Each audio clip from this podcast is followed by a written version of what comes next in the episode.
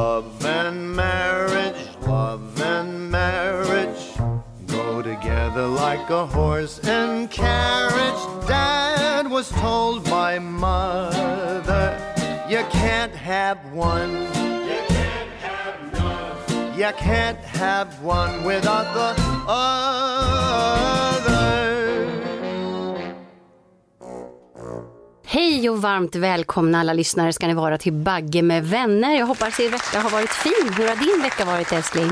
Min vecka var så att jag försov mig i morse. Vi spelar in, in hemifrån, mm. Vilket är egentligen bara skönt. Man, man har inte riktigt kommit ur den här själva julledigheten som har varit, utan man har ju vant sig att, liksom, att man kan sova till och med till elva på dagarna, vilket förmodligen inte vanligt folk gör. Och, men däremot så är jag uppe på nätterna och ugglar, som du brukar kalla att jag gör. Ja, och nu har ju arbetsveckan kört igång för de flesta av oss och sådär, så jag hoppas ni har fått en liten mjukstart och så. Jag tycker det är skönt när rutiner och alltihopa är tillbaka igen faktiskt. Ja, det är lite konstigt det. Jag ja. pratade med Peter igår just om det där med att eh, han går omkring och klappar sig på benen och tycker det är jättejobbigt att det är ledigt. Liksom, ledigt. Han vill ju bara jobba. Visserligen har han en hel familj med massa barn, och så där, men han vill ju jobba.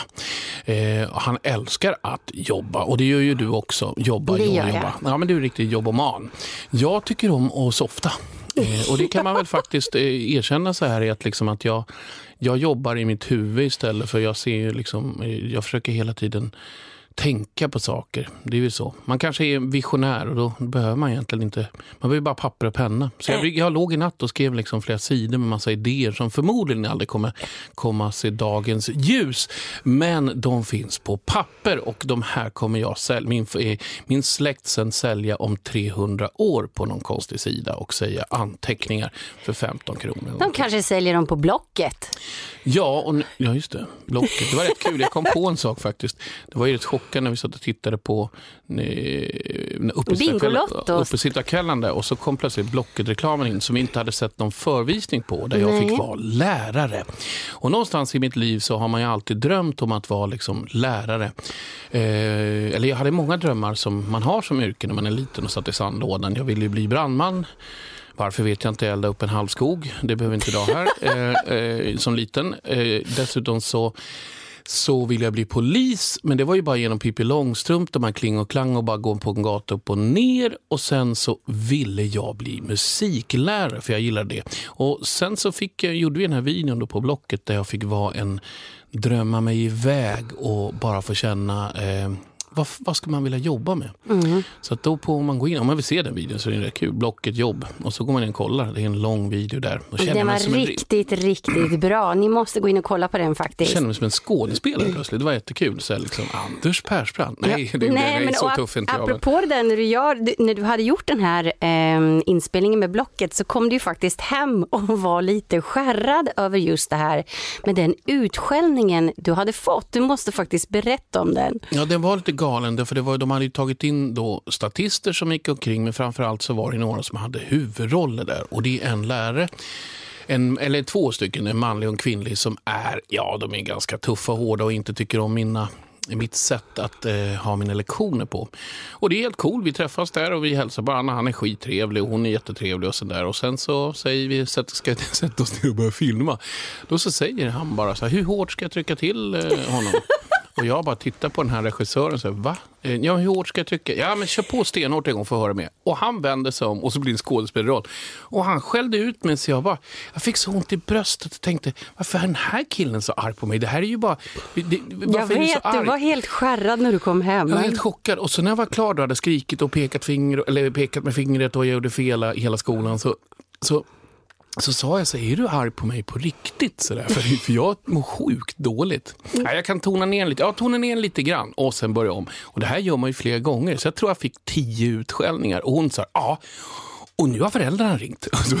ja, alltså. den, är, den, den, är faktiskt riktigt bra. Så gå in och titta ja. på den. Och, ja, det är mycket min så... första skådespelarroll, men det är rätt roligt. Ja, men du är duktig på det. Du skulle Nej, lätt kunna bli skådespelare, men jag tror inte du skulle kunna spela den, spela. Ar, spela den arga varianten. Nej, jag blir någon, om jag skulle jag vara någonting att... så skulle jag vara någon, ja. om det skulle vara en, sko, skulle vara en snäll lärare som bjuder på smågott och liksom, du vet, och man läser Lite läxor. komiker kanske? Ja, kanske. Man liksom ser liv livet istället. Liksom, Ja. istället för, för jag, jag kommer inte ihåg någonting av min skola. Nu är det bra att man pluggar, det är tur att någon gör det. Men det, om jag skulle ge rådet så det enda som finns det är att man lär sig dator. Dator, dator, vad fan. att man lär sig. Har du vaknat än? Nej, jag har faktiskt inte vaknat Nej. än. Jag har fått i mig en halv kaffe. Du ville ju inte gå upp till mig och ge mig en kopp kaffe i morse, så att du, då låg jag och sov. Och sen fick jag ju världens... Eh, Ja, du brukar få det. Jag tänkte att det enda sättet... Uppläxning höll jag på att säga. Det fick jag inte alls. Det. Jag fick Nej, inte det. Men jag skojar. Efter men... att ha försökt att väcka dig i tre timmar så kände jag att nej, jag går inte upp med kaffekoppen för att få upp karln då får han fasen gå upp och hämta sak? kaffekoppen om själv. ska, ja, men om du ändå ska vara så jäkla ärlig. Jag har lyssnat på ditt snarkande. Du snarkar som en gubbe. Du, jo, varför ljuger du för? Jag har spelat in det på en sån här telefon. Grejen Har du? Ja, du snackar...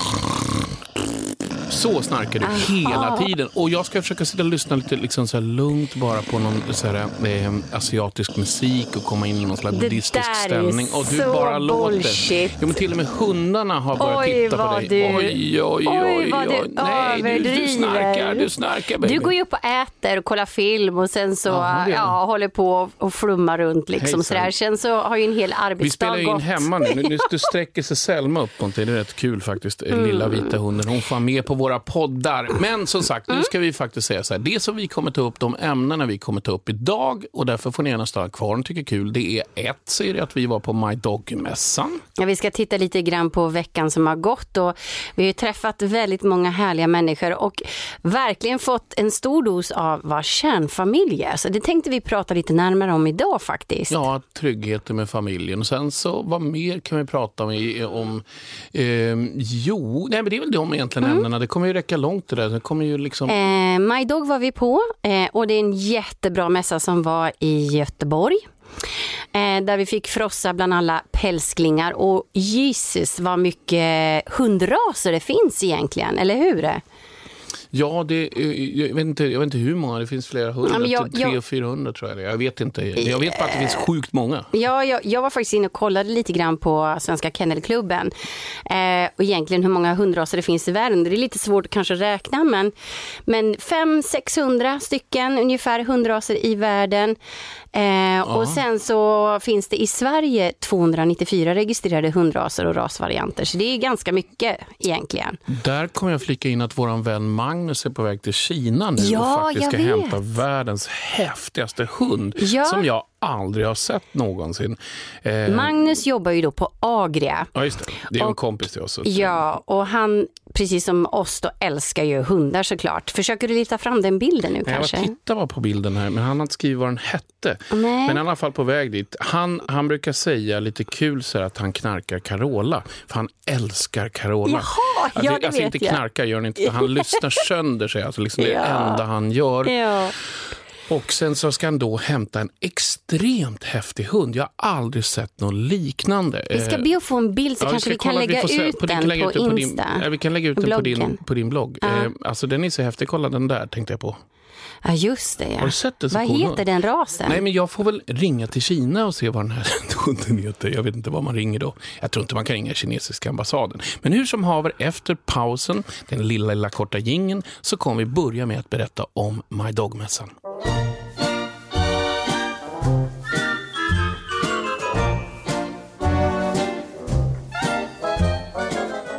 Ja, som sagt, My Dog-mässan var vi på och nu älskling sitter Selma hos mig. Hon eh, har lite Hon separationsångest. böt plats. Ja. Det är jättekonstigt. Men du, My Dog-mässan var ju, alltså jag älskar det. Jag tror att vi kröp längs golvet under hela mässan för att hälsa på alla underbara hundar som fanns på Mm. Vi mässan. var så dammiga Ja, och håriga. och håriga Ja. att eh, vi ska ta allt det där nu och göra en ny jacka har ett tag som vi ska lotta ut på.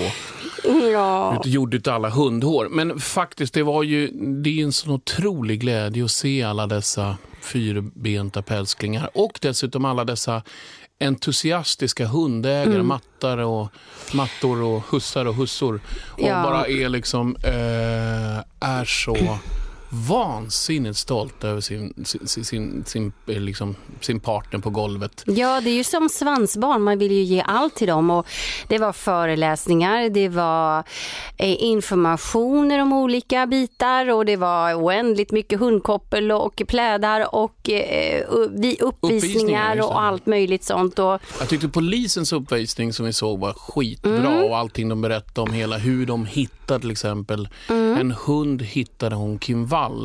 De åkte ut i höga vågor och sen plötsligt så fick hundarna ligga längst fram på båten och sen vid samma ställe ungefär ute, mitt ute en och en halv sjömil, nu ska jag inte säga helt, jag är inte exakt hela, så plötsligt så skäller hundarna. Så tar de det återigen så skäller hundarna och till slut så vid samma ungefär en area så markerar hundarna vart liket ska vara. Mm.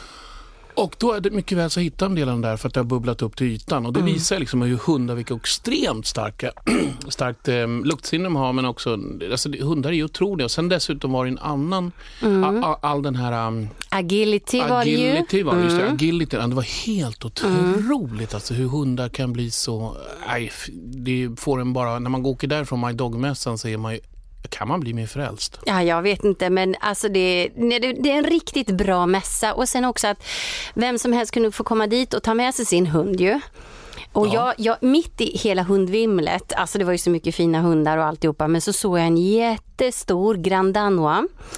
Eh, som var, ah, han var så stor, 11 månader, silvergrå, alldeles som i sammet, eh, silvergrå och vit. Ah, han var så fin vet du. Men det tog så en bild vacker. På. Ja, jag tog en bild på jag den. Ja, alltså du vet, man tänker så här, kan man ha en Grand Danois också kanske? Ja, sen, sen var det faktiskt på slutet ja. när vi skulle åka hem, när, du, när Dogo, Cana, Dogo Canario ja. eh, heter den. Mm.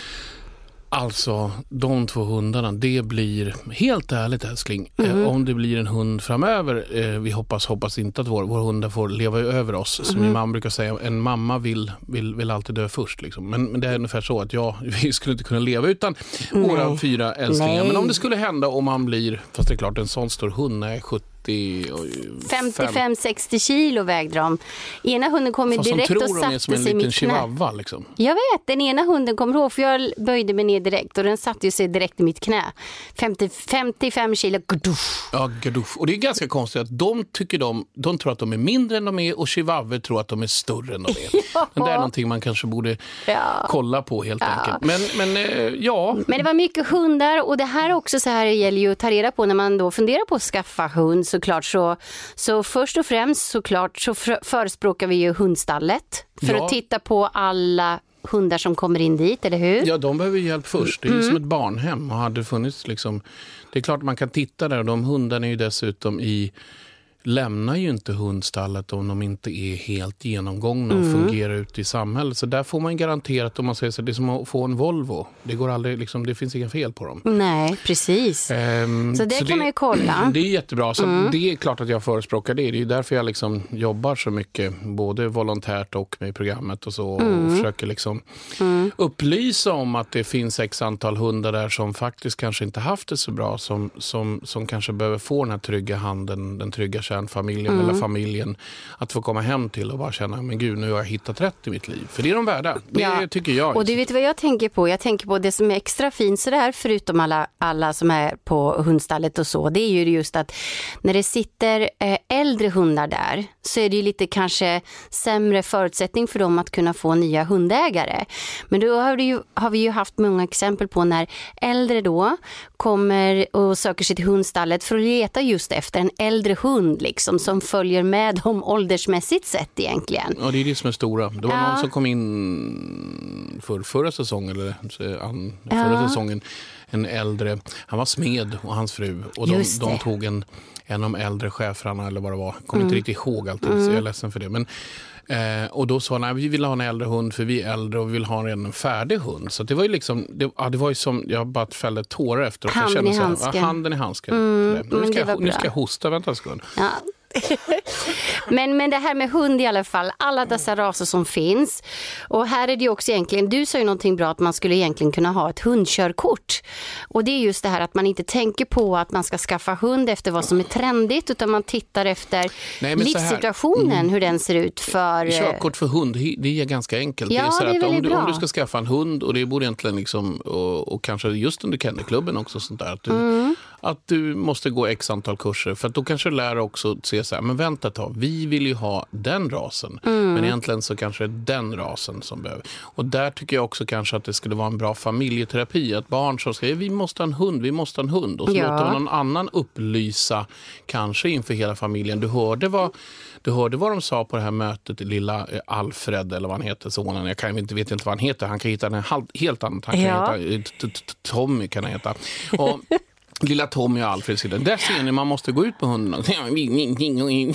Du vet, liksom, Ja, då kanske det är vet. bättre. Så Roligt ser man i så här, början. Mm. Roligt i början. Så jag tror att någonstans så skulle det finnas sånt att man skulle kunna skydda sig bakom som förälder ibland. Eller Mm. så blir det som, precis som med Peter, våran, kom, våran manager. Ja. Att han då säger, han, aldrig, eller han har aldrig förstått sig på det där med hundar. Och nu så skickar han så här, hoppas det är en bra jul, kram Peter, Mona, barnen och Minot, hunden. Och så säger han bara så här, jag längtar efter min hund i USA. För hans, Ja. hans barn bor i USA. Ja. Eller de är ju mest, de har ju både i USA och i Sverige, men hunden är där. Så han är helt, nu är han helt knäckt Mm. över att, liksom, att han upptäcker det här snart i 53 års ålder. Att liksom, hund, det, jag förstår er.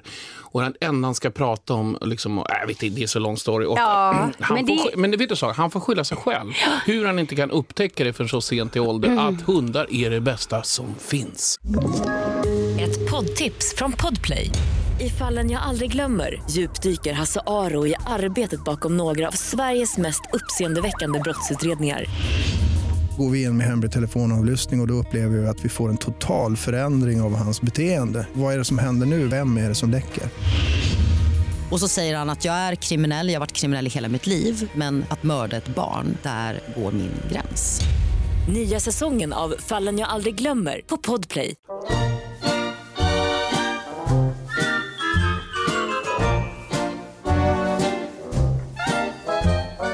Är det vanligaste hundraserna tror du? hundraserna tror du? Ja, men det är garanterat blandraser. Ja det är det faktiskt. Det måste- det måste det ligger som nummer. Jaha. Ja, vad tror du två är då? Ja, du, då skulle jag kanske säga en golden eller kanske jag skulle säga en... Eh, ja, nu måste man tänka till här. Eh, Golden labrador kanske tycker jag ser väldigt, väldigt mycket. Labrador och golden retriever, ja precis någonting. Ja. Och sen så tycker jag småhundar... Ja, jag var, Chihuahua kommer på äh, tredje plats. Jaha, du ser, du ser, ja, du ser. Labradoren, eh, blandras nummer ett, labrador nummer två, chihuahua är på nummer tre och fyra golden retriever. Och sen schäfer som man kanske tror är vanligare kommer faktiskt inte förrän på femte plats. den trodde jag var ovanligare. Och här sitter den eh, nummer här- sjätte, Jack Russell sitter i mitt knä. Ja, Nummer den sjätte Fast den vanligaste. finns ju så många olika... Ibland kan man nästan tro... Ja, vet Korta inte. ben, långa Korta- ben, Korta, den och den kort får så hår, många där. En, en, en golden retriever är en golden retriever. Den ser ju exakt likadan som en Volvo 240. Det är samma Ja. sak. De går exakt likadant. Ja. Och det man får, det man, och det man får är helt fantastiskt. För jag har haft en golden, det är det bästa. Ja, vilket var en- ditt första djur egentligen? Oj, ja, förutom alla djur jag plockade in från trädgården att jag hade liksom så här, mm, som jag försökte hitta. Mitt första djur var faktiskt en hamster som hette du kommer inte ihåg, den hette Trump. Den gick och gömde Trump? sig. Ja, den gick och gömde sig, eh, gömde sig hela tiden i, när det, var, det blev jobbigt. Nej, jag skojar. Det hette han inte alls. det. Han hette, eh, jag ska se vad fan han hette. Jag vet, jag, hette, jag vet inte vad den hette. Skitsamma. Det var Ja. en guldhamster Ja. som, eh, som bara låg under det här spånet på dagarna och sprang i hjulet på nätterna. Skitkul tyckte vi. Och sen så hade jag, tog vi in en hare ifrån trädgården vars mor hade blivit överkörd. Och den kallar vi för Harp och han satt i knät när min pappa spelade trumpet och vi matade den med såna grejer och sen släpptes den ut och sen så var det inga konstigheter. Ja. Eh, Men som jag sagt förut att jag har inte haft så mycket djur för vi kunde inte. Men vad var din då? Alltså min första, jag har ju alltid eh, haft djur runt omkring mig hela tiden och eh, när jag inte lyckades övertala mina föräldrar så övertalade jag min morfar Herbert om att skaffa en liten vit kanin, en albino.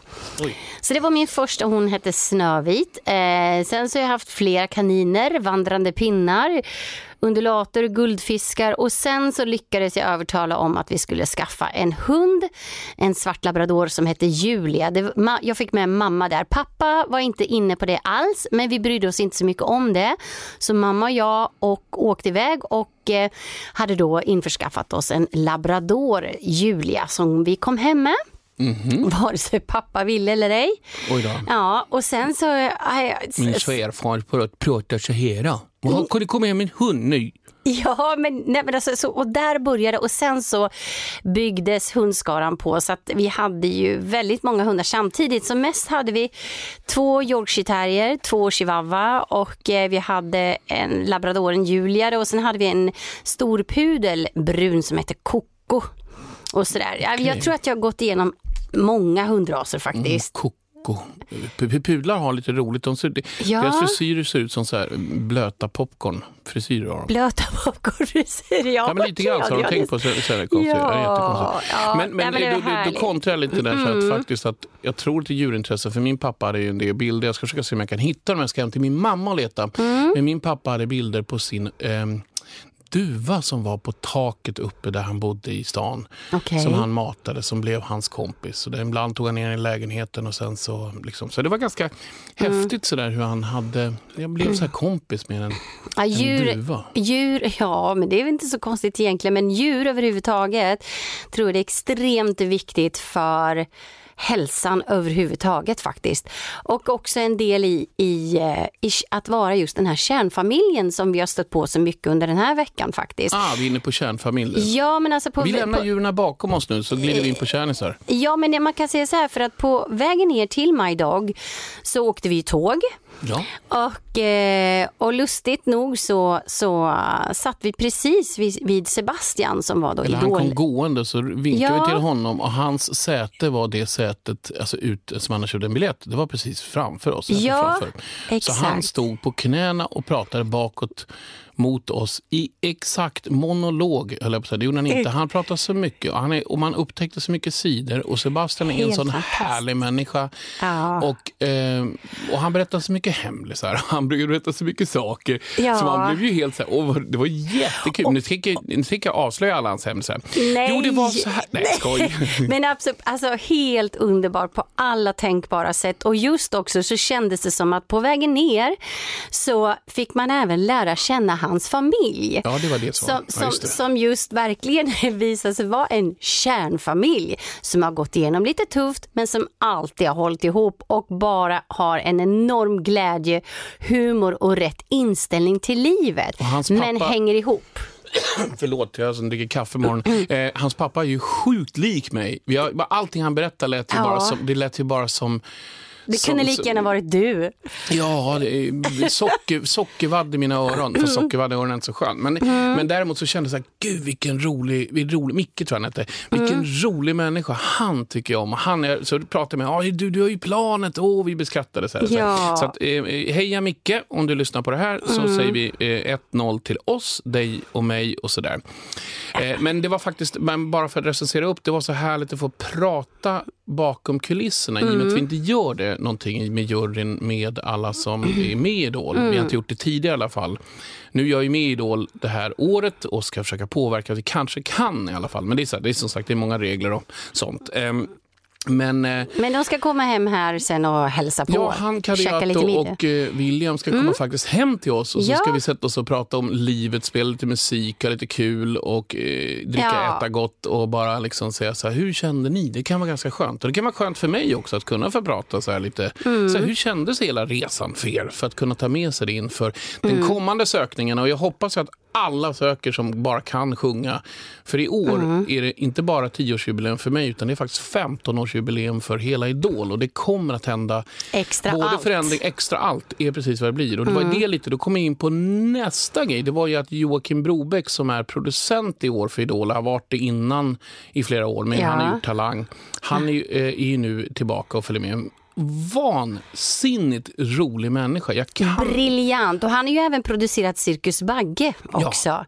Så att, eh, och han var ju här med sin familj, återigen, kärnfamiljen. Ja, vad, kan du inte förklara då för alla som kärnfamilj? Nu ska Ja, men alltså, ja, nej, men alltså, ja, herregud, idag finns det någonting som heter kärnfamiljen egentligen? För att det finns ju massa olika definitioner på familj. Ja, ja, men och det är ju bara... nu har vi gett ett epitet, så Ja, och det är ju bara en, det, egentligen en familj är ju en social grupp av människor som lever tillsammans. Ja. Egentligen. Så, och, och en familj kan ju se helt olika ut ju, eller hur? Det finns ju, vi ska inte gå in på det för mycket, men det finns ju Har vi en familj? Vi har ju inga Det är klart barn. vi har en ja, klart. familj. Jo, Ja. men, men, men alltså, här hemma där vi bor så bor ju inte din son. Det är bara du och jag och sen en massa hundar. Är det en familj då? Mm. det är klart att det är en familj. Okej. Alltså, det finns ju olika sätt att vara familj på. Det Är finns... man familj när man är duo bara? Alltså, så En inga djur, alltså duo. Ja, det är klart att man är det Ah, okej. också. Är man Alltså, det familj finns- när man är ensam? Eh, det tror jag kanske, det, en självvald familj då kan man ju vara. Men man liksom. kanske har någonting som kryper i huset som kan vara en familj. Det vet man ju faktiskt inte. Ja, men när man, om man tittar så här, kärnfamiljen är lite... Atlas, jag och Nej. Men alltså kärnfamiljen om man tittar på liksom generellt sett så ska det bestå av en mamma, pappa och barn. Där ser du ju. Ja men alltså ja, men det där är ju liksom, det gäller ju inte egentligen idag. Det finns ju Fast ju bonusfamilj, barn. ja men det finns ju bonusfamilj, det finns styrfamilj, det finns ombildad familj liksom. Det finns enföräldersfamilj liksom. Oj. Ja, ensamstående förälder med barn. Kärnfamiljen, ja, jag vet inte, regnbågsfamilj. Regnbågsfamilj var kul. Berätta. Ja, men alltså det är ju då kan ju vara en familj till exempel där man är förälder av samma kön eller en familj där en eller liksom Ja, ja, ja. flera det är hänger. Varför vi kommer transar. inte på det? Liksom? Det Nej, men konstigt. storfamilj utveckling. Jag såg Man så här- är så här- väl såg- familj med dem man trivs med. Man, man liksom, det, det där kärnfamiljen, nej. Jag, Nej, men jag den tror första- inte det epitetet gäller längre. Ja, men vet en sak? Vet Mm. en sak? Du sa någonting som är viktigt. Eh, Du sa eh, familj i början. Där Mm. fasiken var det sa. Du sa f- eh, en, en grupp som hör. Vad sa du? Nej men alltså, eh, det, det, det egentligen så är det ju så här att kärnfamiljen, alltså det finns olika definitioner på vad en familj är. Och vad det handlar om egentligen det är att det är en social grupp av människor som lever tillsammans. Det tyckte jag. Vi är Ja. en social grupp av människor som lever tillsammans i symbios. Ja. Vi äter samma smör, vi äter samma, vi delar samma eh, matbricka. Men alltså innan vi hoppar in, så här, vad är familj för dig? Vad, vad, är, vad betyder det? Liksom? Hur ser du att en familj är? Vad, Och, och den familjen, vilken är det jag har? Ja, just det. Du och jag. Jag, jag kommer inte ihåg. Jag har så kort minne förstår jag, som en hamster. Det är därför jag hade en hamster, älskling. Då ska vi se så här, vad familjen betyder. Det är väl det att man kommer hem och säger Hallå, pappa är hemma. Eller jag är hemma. Och sen så blir det kanske något glädjeskutt. Nu kommer det mesta krypande längs golvet eller springande längs golvet och biten i bakbenet. Men, alltså hundarna. Men det är ju det att man kommer in och kan berätta precis allt. Man kan få gråta, skratta, ha hemligheter, ha ehm, diskussioner som man vet liksom ehm, som man kan fördjupa sig i väldigt långt ner och liksom kanske vara också naken i allting liksom, i, i en sinne. Det är väl det som är familjen och det ska ju aldrig komma utanför. Man vet ju, det finns ju en hederskodex att det som händer i en familj och det tycker jag är trist med sådana här som skiljer sig sen och så ska den ena parten ut och berätta allting. Det är jättekonstigt. Ja, nej, det är inget bra. Nej, det konstigt. tycker jag. Om det inte har blivit liksom att det har blivit eh, saker som bör polisanmälas, då är det självklart ska det göras. Men, Alltså- men, men, men liksom, man måste ju få våga vara öppen i sitt i, i sin, innanför sina dörrar med sin familjen familj. är en domstol som alltid är öppen, Ja, skulle jag säga. Det tyckte jag var bra Ja, sagt, och då, och då vill jag också, för mig så är ju familjen någonting som är trygghet. Eh, och, och liksom att man, och det, och det här också, du vet med att kärnfamiljen nu inom citationstecken har fått mycket så här eh, skit också med tanke på alla feminister, hur det ska vara och fördelningen och du vet allt det här. Vad är en feminist? Eh, ja, du kan googla på det va? googla. Men i alla fall, så jag tycker att det handlar inte om vem som ska göra vad utan jag tycker att inom familjen så får man väl bestämma egentligen vad som är rätt för de respektive, inte vad som bör eller liksom eh, ska göras liksom så att det är en kravfamilj utan man gör det individuellt. Vet du vad jag känner älskling? Nej. För jag tänker avsluta den här grejen nu. Min familj är alla åtta miljarder människor på hela jorden. Så vill jag se det.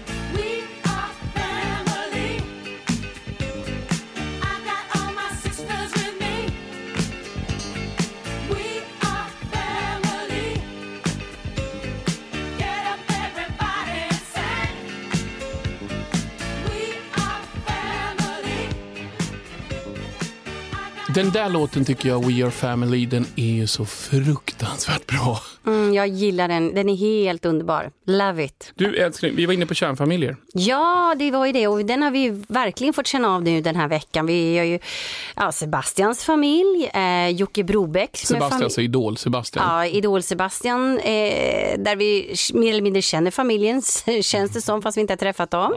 Eh, Jocke Broback då, som är här med sin familj, Jenny, grymma frun och sen med sina två barn. Som sjunger också, det, är så, det var jättekul tycker jag. Ja, ja, inte Jenny då, men barnen sjunger. Nej, jag, det vet jag inte, det kan inte jag svara på. Men han är ju vansinnigt musikalsk Jocke dessutom. Det är vi få som kanske... Ja, Han är briljant. en gömmande musiker som sitter hemma. Men, eh, och sen träffade Ja. vi Roy Orbison. Ja, och det här var ju underbart och det har vi ju faktiskt gjort förut en gång också ju. Ja, jag har gjort förut.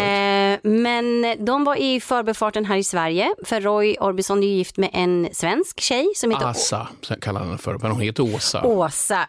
Underbar tjej, verkligen. Men du, om vi ska beta Mm. av dem lite kort, då kan vi börja så här. Hur var det nu med Roy Orbison? Eh, Roy Orbison, du sa ju så här till mig att han höll en monolog utan punkter och komma och... Mellanrum. Han läste en bok på 995 sidor utan punkter, kapitel och mellanrum och alltihopa. Så att till och med både du och jag som väldigt mycket brukar prata annars och prata sönder andra konversationer, vi var helt tysta. det fanns inte, och när man trodde det var slut, Ja, då började igen. gör det början. Ja, men vilken underbar människa Ja, och det hans måste jag fru. säga. Och hans fru Åsa. Och så var det så kul. Eh, Vilka Men, men jag kom historier. på en grej som jag glömde bort också. Det var ju så här att precis när vi skulle, de skulle gå hem, Ja. då var ju Micke Silkeberg, eh, fotograf, vår fotograf som fotade, och så fantastisk fotograf för övrigt. Mm. Han ehm, är ju lite den här som... Lågmäld? Ja, nej, inte, ja, inte lå, ja, låg, men han är en sån som väntar och sen fäller han in en fråga och Mm. då är den väldigt genomtänkt. Och det roligaste var precis Precis när han fått på sig kläden, då säger Micke I have a question for you. How was it when Roy bla bla bla bla bla och då gick ju han, Roy, alltså sonen den- Roy, gick ju i gasen och det var det 45 minuter till. Så de stod där påklädda alla barnen. Vi går hem, we want to go home. Ja, För det går inte, för att han har varit upplevt så fruktansvärt mycket. Men Ja, eh, Roy är en annan sak. Vi ska ju åka till USA och träffa hela familjen och det är, annan, det är nästa story. Men eh, nu tar vi nästa då. Då kom ju eh, jo, men sen efter det så träffar vi då eh, familjen Brobeck. Ja, Joakim Brobeck, Jenny, hans fru och sina två fantastiska barn som var här på en liten fika. Ja. Eh, och också det här vilket teamwork det är och det är ju så att en, en, en familj det, han, det är ju som ett företag, allt ska ju funka. Eh, och, Och, och där vill jag slänga in en grej. faktiskt. så här. Jag tänkte så här, låt, låt oss säga du, om, om du och jag skulle få, vi säger att vi får två barn eller någonting så här. Och sen så ska jag då, då är jag uppåt en hur 50 tänker du med sovmorgnarna då? Det, det är såna här grejer som jag tänkte att man skulle kanske kunna... Kan man göra ett Excel-ark där vi tittar så här att ja, jag tar hand om nattskiftet och så tar du hand om morgonskiftet. För det blir jättekonstigt om jag ska ha både nattskiftet och sen plötsligt ska jag upp Jag tror och, inte det är någon risk att du kommer ta ja, men båda. det, det är ändå du som har tutten liksom. Ja, Jo, jo, men den varar ju bara en liten kort stund. fast å andra sidan, jag sög på har tills ju jag var också tio. tuttar. Nej, Ja, fast jag har man boobs, kommer ingen mjölk i dem. Men du menar att man drar en slang dit? Nej, men jag, nej, ja, men jag kan ju pumpa. Jag hade ju för fan, vad hette Mm. napp tills jag gick i trean. Asgott hade det själv på mitt rum. Oj då.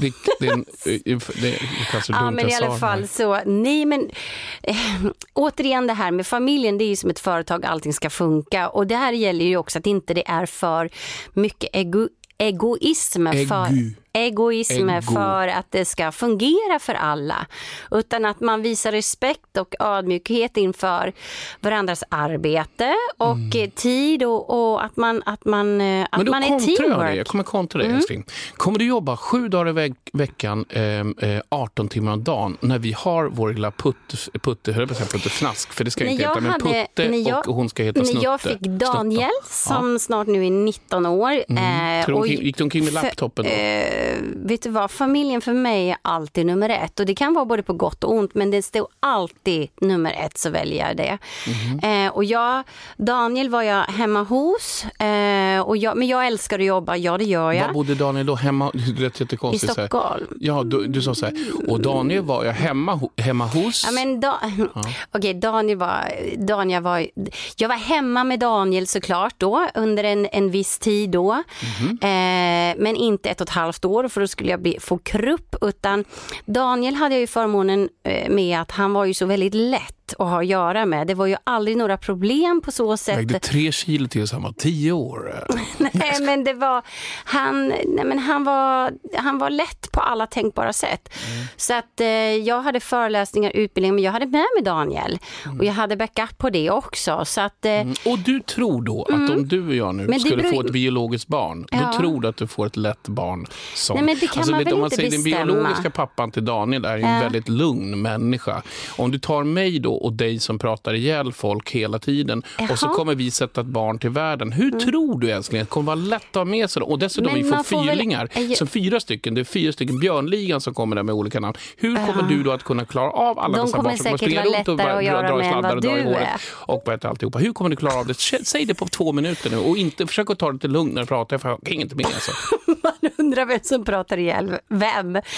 Jag tror inte det finns några ramar på hur saker och ting ska vara utan jag tror att man får anpassa sig när den situationen uppstår så det är helt omöjligt att svara på den frågan. Ja, jag förstår det för nu börjar du prata lugn- lugnt och psykologiskt. Därför att det brukar alltid göra när du drar sak iväg, dig. för då måste jag dra Eh, ner Johanna, dig. jag pratar just nu. Tar du dämpa lite. Då gör vi så här Johanna. Psycho. Att jag kommer att vara hemmapappa, gå omkring och valla mitt barn Det är ju du redan en hemmapappa fast du Ja. inte har några barn. Och jag är ju som en tempurmadrass. Jag lägger bara barnet på min mage så sjunker den in. Och jag kommer inte att använda dator för dator är strålning utan jag kommer använda papper och penna.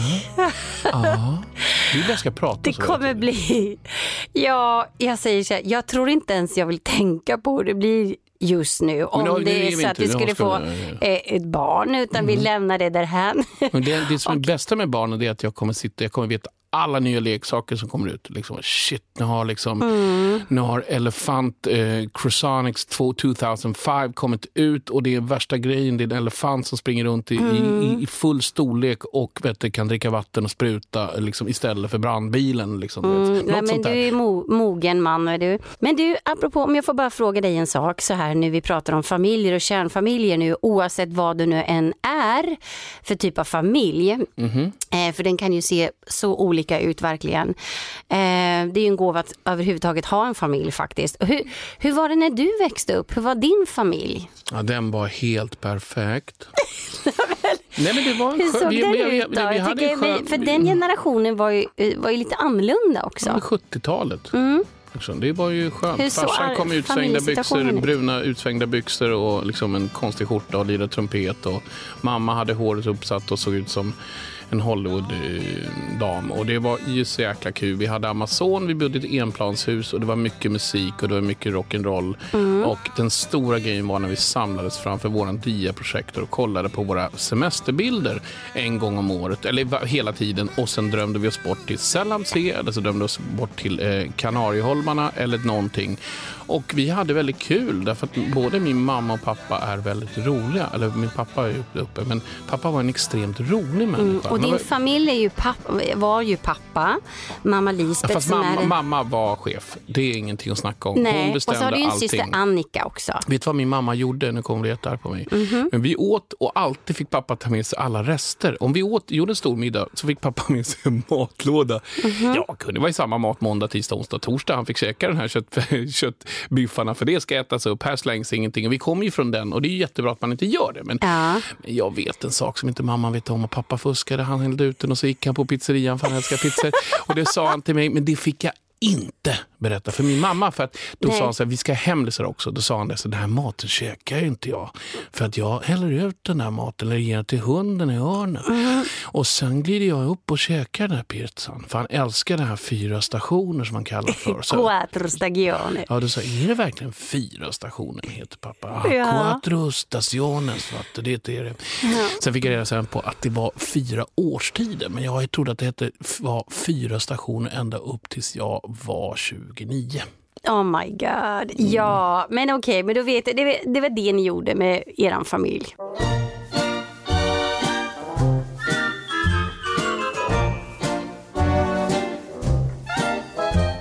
Förra gången så sjöng du med hela tiden. Det känns som att du nu är helt tyst så fort ingen spelar. Men Nej, men jag tänker på lyssnarna faktiskt. ja, ibland vi vill man, ha dem kvar vi vill ha dem. och vi vill gärna ha fler lyssnare också. Ja, så att vi har väl i någon slags föräldraråd i kärnfamiljen Ja. som vi har. har Selma- vi kommit, har Selma vi ligger på rygg. Har vi kommit överens Ja. om att Johanna inte kommer sjunga mer.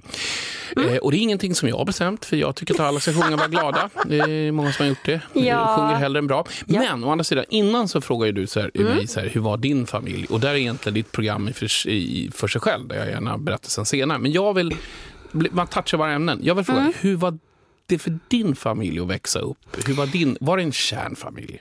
Ja, det var det faktiskt, måste jag säga. Jag växte upp i Lugna, Trygga Åtvidaberg som ligger i Östergötland. Vet inte jag var det ligger. Ligger i Östergötland. Eh, Sverige Mm, det består Sverige av olika ja, län. Ja, jag Kan, Stockholm, Göteborg, Malmö kan jag. Ja, jag vet. Nej, men du ska prova lite att titta lite utanför the box. Ja. Men eh, det, låg i, det ligger i Östergötland, eh, 30 minuter med bil från Linköping då i alla fall. Och bra, jättefin ort. Mest för barnfamiljer och pensionärer skulle jag säga. Ja, ett solarium när du var liten. Jag var ung, då började redan entreprenörskapet. Det var innan jag blev hudterrorist. Ja, men Ja, det måste men det jag- var faktiskt det- väldigt jag bra vill gärna business. trycka in den här till dig. Ja, men det var väldigt bra business då. Ja, men du låg väl där och solade hela tiden. Nej, jag gjorde inte det för jag jobbade, vet du. Ja, just det. Mm. Och då i alla fall, så jag växte upp med min mamma och pappa såklart. Eh, och min bror Daniel, eh, som han också heter, som är fem år äldre. Vi bråkade väldigt mycket när vi var små. Och, och, och liksom sådär. Så att, men men det, var, det var jättebra. Och det är en trevlig prick den här Daniel. ja, trevlig prick. Ja, men prick, han är snygg också som dig. Alltså, han ser väldigt bra ut. Jag såg någon som sa, vilken snygg men, bror men du har." pappa, pappa var ute och fo- for och ni två, alltså din svärfar, ni är ju väldigt lika varandra också. Älskar min svärfar. Ja, och det, så fort du säger att du, jag har en idé, om du säger det till pappa, då är det bara liksom att trycka på gong-gong-knappen och så är ju igång ju. Men skit i mig Så- nu, utan berätta om din Ja, men i alla fall. Men, men eh, pappa var ute och for, for ganska mycket eh, och han var badmästare faktiskt och tog fram lite olika roliga leksaker och grejer. Bland annat simdinan som du säkert har lärt dig att simma med en jag hade tiden. en sån och en gång så jag på mig massa såna och flöt omkring faktiskt. Det är rätt kul. Det är den här typiska man drar runt magen med två stycken tuber. Den, Mm. Gula tuber där bak, Gula ja. tuber, när han Mm. sa att han, att han hade kommit på den, då, är- då är man rätt smart. den. Och de här grejerna som går i poolen. Ja, han har gjort väldigt mycket, allt som har mycket av i det badlandskap faktiskt. Ja, ja. men, sådär. men eh, för att göra en kort, eh, lång historia kort så, så pappa Roland och så mamma Ingalill. Ja, ja, ja. det är eh, min svärmor. Så, ja, som, som, de jobbar ju mycket. Jag, eh, Man får ju lite blick, ju- jag bara säga, Ja. man får ju faktiskt lite inblick Ja. i, i, i Cirkusbagge nummer tre, tror jag, som finns på Simor Just eller det. på Play. Då kan man faktiskt få när vi åker buss, om det är tre eller Husbilen, husbilen, ja. då kan man Mm. faktiskt Vi se. Mm. lite den här feelingen som vi faktiskt har jag och svärfar, Ja. att det är någonting magiskt. Och när vi sitter där, även också med, i bussen med Ann-Katrin som är då Ja, men- pappas, ja. pappas eh, nya donna, inte nya, de var i 20 år, som är också en underbart härlig Mm. människa. Men, men, men det är bättre att jag ställer dig frågor så man får reda på. Ja. Mm. Hur, om man får backa lite då, var det alltid var ni alltid sams? Var din mamma och pappa alltid sams? Nej, Var- de var inte alls sams. de var inte det. Nej. Det var inte mina föräldrar heller. Jag sa det bara för att det skulle låta bra. Ja, men nej, nu har det- jag ljugit. ju. Nej, men det var, nej, men det, det var, pappa var, nej, men det var ingenting, det var ingenting liksom dåligt så, men, men ehm, Eh, det är två starka viljor. Mhm. Eh, men jag var hemma ganska mycket och tog, eh, ja, gick hem efter skolan, fixade och lagade mat och grejer, gjorde läxor och sånt där. Daniel höll på med sitt, mycket bilar och grejer och sånt. Och jag gick till mormor också efter skolan. Jag kan och tänka mig att du var den som satt längst fram. Jag kan fröken, jag kan fröken. Och så glittrar med dina ögon. Jag kan fröken. För du ville vara lite så här, Nej, det var inte systerduktig. alls så. Var det inte så? Nej. Då ber jag ursäkt. Då kommer jag få skit efter vi Ja, och då kan vi ta upp det här en annan podd då när det gäller förutfattade meningar. Liksom så, för där finns ju ganska mycket att ta. Nej, jag var den... Som satt och jag rökte längst bak i klassrummet. Nej, det gjorde jag inte heller. jag satt då? i mitten då. och sen så ser jag till att mer eller mindre alla liksom hade det bra. Jag var inte med i några så här eh, lag kan man väl inte säga. Men utan jag körde mitt eget race liksom så. Men jag var mån om att se till att alla hade det bra. Ja, men det är lite så här, Och sen ville jag liksom det var nog också, samla ihop trippen. Tr- Trippen. tri- samla ihop truppen. Samla ihop hela trippen. Och sen var jag alltid först, jag bara, nej jag vill alltid göra nya grejer. Jag var först med att cykla enhjuling, jag cyklade enhjuling som en galning åt Åtvidaberg, jag åkte rullskridskor.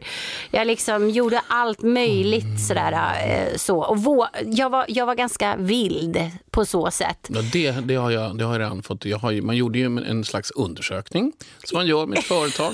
Och där man kollar upp hela din bakgrund. Och yes, det finns en del vilda grejer. Jag har till, och då är det bland annat att du har ägt ett Solar... Nej, jag skojar, kom in där. Nej. Nej, men du är nog rätt lik mig där också. Jag var en... Jag var lite John- pojkflicka lite så. Ja, det är du ju fortfarande. Åkte skridskor och greja men och du är ju fortfarande där. lite pojkigare. Ja, det ser väldigt manlig ut va? Nej, inte det utseendet, men du är väldigt... Du är sådär...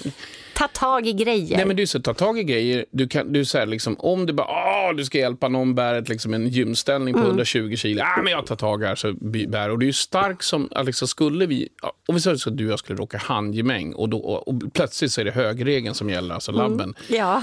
Jag skulle säga, jag backar två steg. Jag säger så här, jag eh, tar paus på den här grejen och så skulle jag lägga mig i gymmet ett år. För du är så jäkla stark. Ja, naturkraft. Det är liksom, jag kommer från landet liksom, är van att, att jobba hårt. Mm. Ja, men det är det som är grejen. Jag är ju liksom... Inte det att inte jag är stark. Jag är ganska stark liksom, sådär, och kan lyfta saker. Men, men jag måste säga som Mm. kvinna så är det ju, det är ju väldigt, du är ju väldigt så, som tar, tar i. Liksom. Du, du, är ju- Ja, jag där inte fick ha du något lite plus. lullilullu. Nej, jag vet. Du är stark i alla olika grejer. Men sen kan du bli väldigt kvinnlig. Det är det som är liksom lite kul. Å Ja. andra sidan så är det, det är du vad du är. Nej, då, men när det gäller familjen så är jag otroligt tacksam över att få den uppväxten som jag har fått. Därför det har gett mig trygghet och stabilitet. Mm. Och jag tror det eh, har också hjälpt mig i, i allt som jag har gjort i alla fall. Nu har ju faktiskt inte alla eh, kanske sådär superbra. Det är det man Nej. hoppas på någonstans. Att det ska finnas det, att alla ska finna sina familjer och kunna få hitta det. Och lite grann om man ska gå tillbaka till det här kärnfamilj. Jag tror att man måste Även om inte en familj är stor och den är bara liten så ser man till att den familjen blir stor i sin, i sin, i sin Ja. egenhet. Och det är det jag tror att, liksom att, säga att eh, även om det är bara är ett barn eller kanske inte barn, man kanske inte kan få barn, så här, då ser man till vi har en familj i alla fall. För det är där vi pratar om i början. Men familj, ska vara, ja, men familj ska vara en trygghet men det kan också vara en otrygghet. Om det bara är bråk och osämja och alltihopa då blir det ingen trygghet. Mm. Och familjen är ju den, de personerna som alltid finns där oavsett vilka du än är. Så tycker jag egentligen det är. Nej, men då, då vet vi det. Nu har vi pratat Mm. lite grann och vi har ju vår familj. Men jag tänker så här att det är väl dags nästan att avsluta. Vi kör Mm. en gång och sen så avslutar vi som vanligt med några ordspråk och jag har någon Lite onödig fakta. onödig fakta, idiotfakta. Så här kommer jingeln och sen så får ni höra något roligt.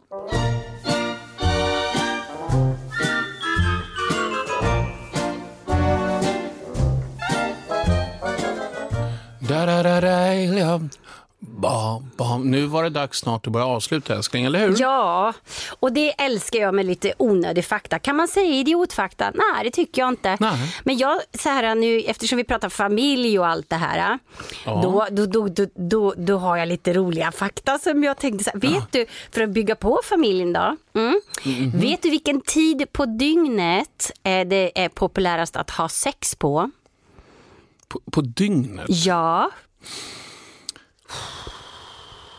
Ja, om man tittar på oss så är det ju morgon, eftermiddag, kväll. ja jag vet.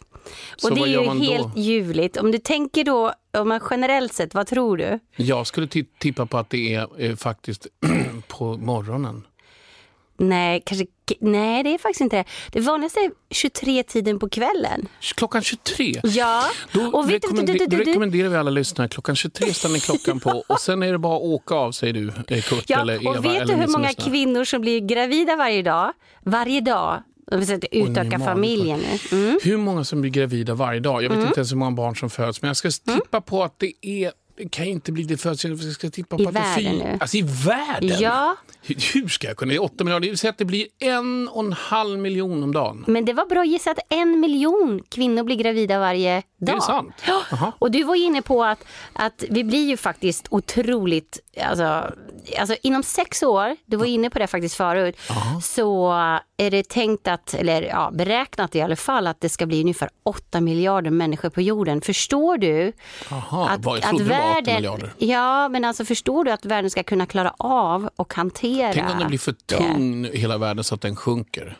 Ja, man kan säga att att familjen är platt, växer, växer. Ja, min, min familj växer. Apropå då, vi ska ju avsluta som vi alltid gör med ett ordspråk. Ja. Och jag har det faktiskt bra. Du sa ett bra förra, förra podden tycker jag, så gå tillbaka och lyssna på våra poddar om ni har missat det. Det finns mycket bra fakta där. Och med tanke då på våra nyårslöften, eh, där du ska få en bättre relation till din kropp och jag ska börja träna lite mer, Precis. så kommer det här ordspråket från Bagge med vänner. Den som inte tar sig tid för sin hälsa kommer förr eller senare få ta sig tid för sin sjukdom. Det var bra sagt. Eller hur? Det är som alla amerikaner, de jobbar ihjäl sig för att tjäna så mycket pengar de bara kan. Mm. Och sen de, har de hur mycket pengar som helst och då går alla pengar åt till att, liksom, att de ska försöka rätta till utseenden och eh, hur de mår och liksom ja. alltihopa. Lev när man kan, för Ja, tusan. och med det sagt så ska jag åka iväg och träna nu. Ska du? Mm. Då ska jag lära mig min nya trummaskin.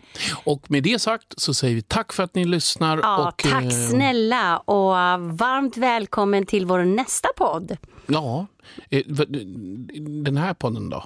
Ja, men, hoppa- ta igen ska du allting. hoppa- men, ska du hoppa nej, men, över den här podden? Nej men lyssna, herregud. Gumman, vi, det kan, finns vi måste ju avsluta någon gång. Kan, Ja. Nu gör jag så här älskling. Jag. Jag vill Ja. inte sluta. Nej, jag märker det. Men Ja. åk och träna nu så ska, Jag ska åka gå, träna nu. så ska jag gå ner i källaren och städa och sen ska jag dammsuga. Sen ska jag tvätta lite. Bullshit. Love and marriage, love and marriage together like a horse and carriage. This I tell you, brother, you can't have one. You can't have none. You can't have one without the other.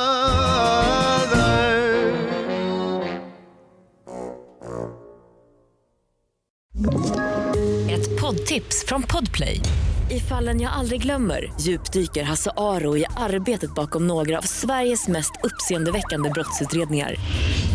Går vi in med hemlig telefonavlyssning och, och då upplever vi att vi får en total förändring av hans beteende. Vad är det som händer nu? Vem är det som läcker? Och så säger han att jag är kriminell, jag har varit kriminell i hela mitt liv men att mörda ett barn, där går min gräns. Nya säsongen av Fallen jag aldrig glömmer på Podplay.